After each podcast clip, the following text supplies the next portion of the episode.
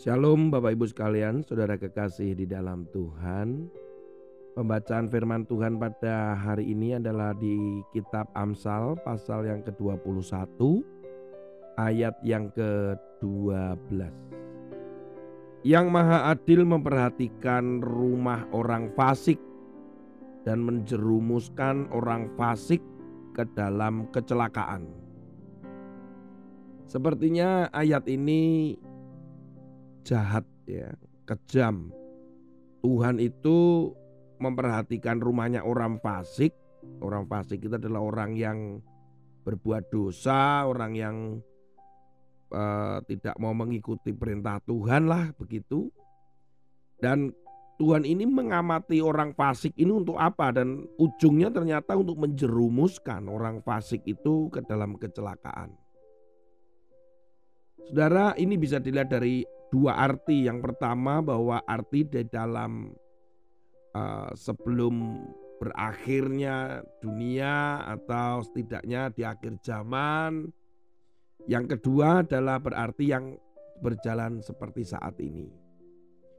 Yang berakhirnya dunia jelas bahwa upah dosa adalah maut. Bahwa orang yang tidak percaya kepada Dia, Sang Juru Selamat, yaitu Yesus, jalan satu-satunya keselamatan, dan mereka berbuat dosa, maka ujungnya itu adalah celaka. Celaka dalam arti bahwa masuk di dalam neraka gitulah, hukuman kekal.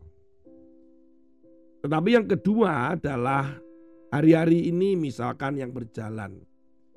Orang-orang fasik itu tetap diperhatikan Tuhan dalam arti bahwa hukuman akibat pukulan dan pembalasan itu ada di tangan Tuhan.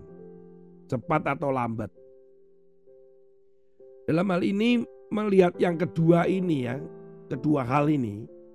Yang pertama bagaimana sikap kita ya saudara. Yang pertama ya adalah kerinduan Tuhan itu kepada semua orang itu diselamatkan.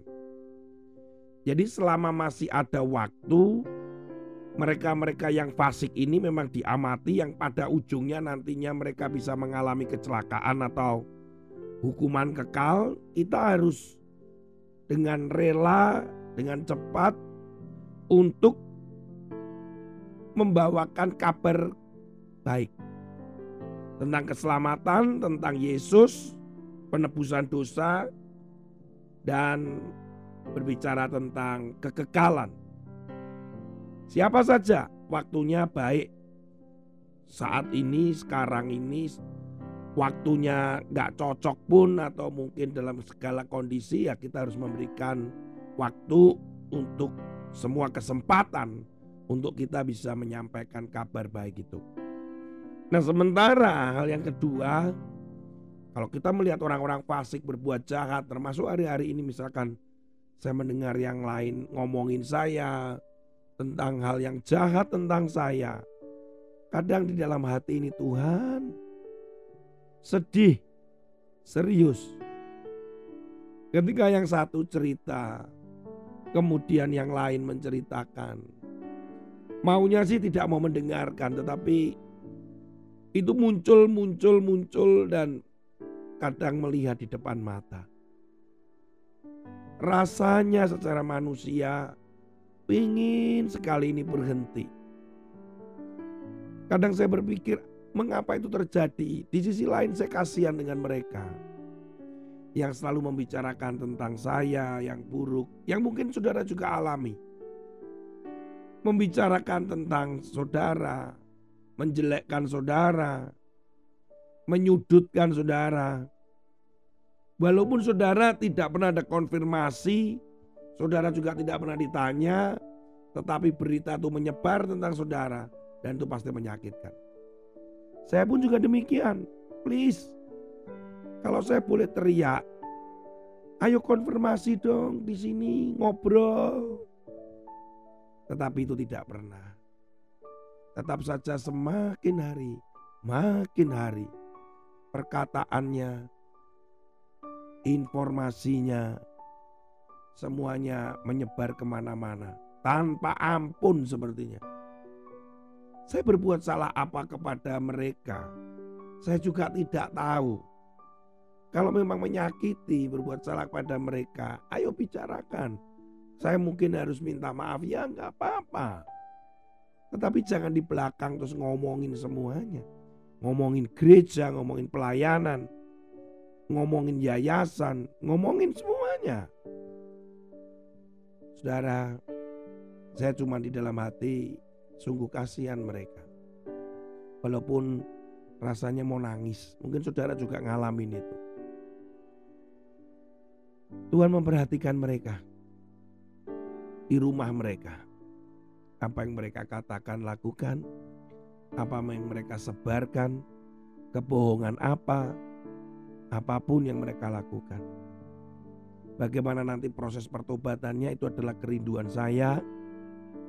Jangan sampai sebelum bertobat mereka mengalami pembalasan daripada Tuhan. Karena apa yang ditabur manusia termasuk saya itu akan menuai. Apa yang mereka lakukan dan itu tidak benar, mereka juga bisa saja menuai. Jangan sampai itu terjadi, tetapi biarlah yang terjadi pertobatan, pemulihan, ada terobosan, dan kemudian biarlah hidup di dalam kasih, saling menguatkan, menopang, bukan saling menjatuhkan. Tuhan Yesus menyayangi mereka, demikian pula menyayangi saudara dan saya. Pembalasan ada di tangan Tuhan apa yang ditabur mereka akan tuai. Jangan punya pikiran yang jahat terhadap mereka.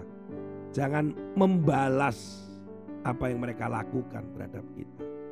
Tetapi doakan, senyum sukacita, dan tetaplah terus melayani Tuhan. Maju, iman bertumbuh, makin dekat dengan Tuhan, makin mengenal Kristus. Tuhan Yesus memberkati saudara dan selalu ada sukacita dan damai sejahtera saudara dan keluarga saudara. Amin.